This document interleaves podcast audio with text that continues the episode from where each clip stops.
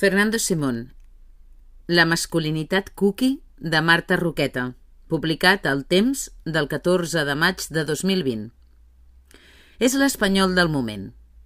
Centenars de mems circulen sobre ell a la xarxa.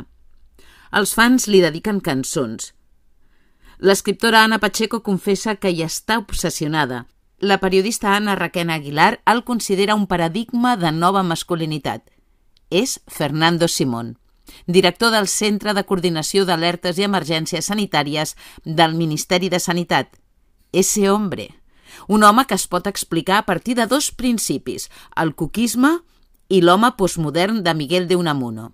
El seu posat afable, modest i divulgatiu, l'escoltem quasi amb la sensació que a ell també li interessaria escoltar-nos, diu Raquena, pot semblar poc freqüent a la política espanyola. L'estil de Simón, però, no és pas nou. Ja a principis del segle XX, amb una Europa que patia els mals del font de segle, l'auge del moviment obrer, el sufragisme, la crisi del positivisme i el realisme, i una Espanya de ressaca postimperial, Miguel de Unamuno defensava un model de masculinitat i de feminitat reminiscent al que molts veuen en Simón ara, justament quan la nació torna a estar en perill. Com a solució dels mals que patia l'Espanya d'aleshores, José Ortega i Gasset proposava un model de la nació constituïda a partir de la virilitat imperial castellana, en contraposició a les influències dels nacionalismes i homes nacionalistes, afeminats catalans i bascos. Tal com explica Elena Migueles Carballeira a El Imperio Interno, Discurso sobre Masculinidad e Imperio en los Imaginarios Nacionales Espanyol i Catalán del siglo XX, aquesta masculinitat fou encara més explotada pel feixista Ernesto Jiménez Caballero. Seva és la frase, referida a la Barcelona de la Guerra Civil, vam haver d'arrossegar-la, però què vols? La vaig matar perquè era meva. Com a contraposició a l'espanyolitat viril, Jaume Vicenç Vives va escriure a Notícia de Catalunya sobre la virilitat del país, una concepció de l'home català vinculat als valors burgesos i a la contraposició amb la virilitat imperial. Aquesta virilitat de país és un dels ingredients que ha construït l'adoració envers Josep Lluís Trapero, hashtag TrapHero, Oriol Mitjà i Pep Guardiola, així com part del sex appeal de Jordi Borràs, el fotoperiodista que desemmascara feixistes i documenta el procés. Vicenç Vives, però, no va ser l'únic que es va oposar a Ortega i Gasset, ni tan sols va ser el primer. José Javier Díaz Freire ho explica a Miguel de Unamuno la feminizació de la masculinitat moderna. Mitjançant l'anàlisi de l'obra del filòsof i escriptor basc Freire conclou que allà on Ortega i Gasset vinculava la crisi de la modernitat a un dèficit de masculinitat, Unamuno entenia que la deshumanització del món modern es devia a una conformació inadequada de la feminitat i de la masculinitat que s'havia de corregir feminitzant la masculinitat. La redefinició d'allò masculí i femení, de manera que cada un integri l'altre, formava part del seu projecte per crear una nova cultura política que tragués Espanya de l'atzucac modern. El rebuig a la raó, la ciència i el progrés el distancien de Fernando Simón, metge epidemiòleg.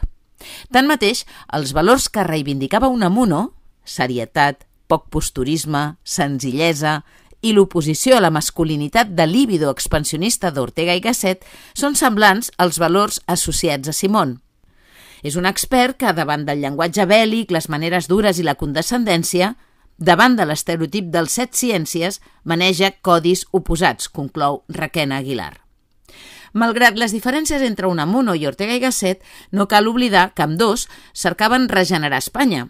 Si bé Unamuno va pagar un preu per la seva singular visió de l'espanyolitat, el nou home que somiava no deixava de ser espanyol. Això és important a l'hora d'analitzar la construcció de la figura pública de Fernando Simón. N'hi ha prou amb una cerca senzilla a Twitter per veure com tuitaires, polítics i periodistes han fabricat un duel entre ell i Oriol Mitjà, en què un és lluat i l'altre defenestrat i viceversa en funció del nacionalisme de l'orador. Simón tampoc s'ha escapat del comentari de la cultura fan i friki digital que han articulat un llenguatge propi per debatre l'actualitat política. Es tracta d'un univers que ironitza sobre les negociacions entre Pablo Iglesias i Pedro Sánchez o sobre el procés català, creant esferes diferenciades. Cada una articula la seva anàlisi de l'actualitat política i social a partir d'un univers autorreferencial basat en la identitat nacional. El ciberlocutorio de Ràdio Primavera Sound és una referència per a la intel·lectualitat d'esquerra espanyola. El Gent de merda l'és en anàlisi pop des d'una perspectiva catalana i en català. Els comptes de Twitter d'en Catalan, Memes, Valencian Memes o Castilian Memes són una referència en el gambarrisme sobiranista i antiespanyolista. De tant en tant, les diverses esferes interseccionen. És el tuitaire que demana perdó a una fotografia d'Oriol Mitjà per haver rigut amb els mems de Simon. La cultura fan ha tingut un paper clau en encimballar el segon element que defineix Fernando Simón, el cuquisme, en català virgilesc, bufonisme. La seva conversió a una icona pop digital s'ha construït amb una estètica bufona, tornant-lo un personatge d'Animal Crossing o un ninot de Funko Pop, farcint les fotografies on apareix amb cors, gatets i TKM, te quiero mucho. Tot això pot transmetre la impressió que es despolititza la seva figura, descontextualitzant-la de l'entorn institucional en què es mou, convertint-lo en un personatge per sobre del bé i del mal, atemporal, fou assessor del govern popular durant la crisi de la bola i amb una aproximació a la gestió desvinculada de qualsevol ideologia. Ciència pura. Això seria, però, caure a la trampa. A El poder de lo cookie, Alfa Decay, Simon May explica que l'estètica cookie és una gran arma de persuasió de les masses. S'ha fet servir després de la Segona Guerra Mundial per amabilitzar la política interior i exterior dels Estats Units, infantilitzant l'aparença de Mickey Mouse, i el Japó, amb l'auge de la indústria kawaii.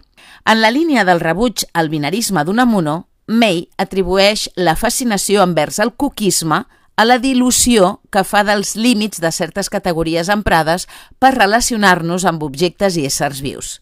Animal humà, vell infantil, vulnerable fort, senzillesa opacitat, masculí femení. Que hagin estat els internautes i no pas el govern de PSOE i Unides Podem qui hagi convertit Simón en un personatge cookie revela el poder d'influència del cookisme, L'aparent despolitització és, en realitat, una politització en alimentar l'espanyolisme banal que configura una part de l'esfera del fandom digital. Així doncs, és la unió entre coquisme i unamonisme el punt fort de la construcció mediàtica de la masculinitat de Simón, contraposada a la virilitat més ortega i gassetiana dels militars ha aconseguit desvincular l'epidemiòleg de la gestió centralista, militaritzada, negligent i punitiva del govern espanyol, malgrat que ell hagi contribuït a la opacitat governamental i que costi de creure que no té cap mena d'influència en les decisions de l'executiu. I és que inventem nosaltres o inventin ells? defensem la ciència com Simón o el misticisme cristià i humanista com un amuno, hi ha un mite que sembla que uneix els homes de raó i els de fe, la nació. Un cop els mems, cançons i muntatges sobre l'epidemiòleg preferit del poble, català o espanyol, desapareguin ofegats per l'oceà de dades que és la xarxa, ella seguirà allà.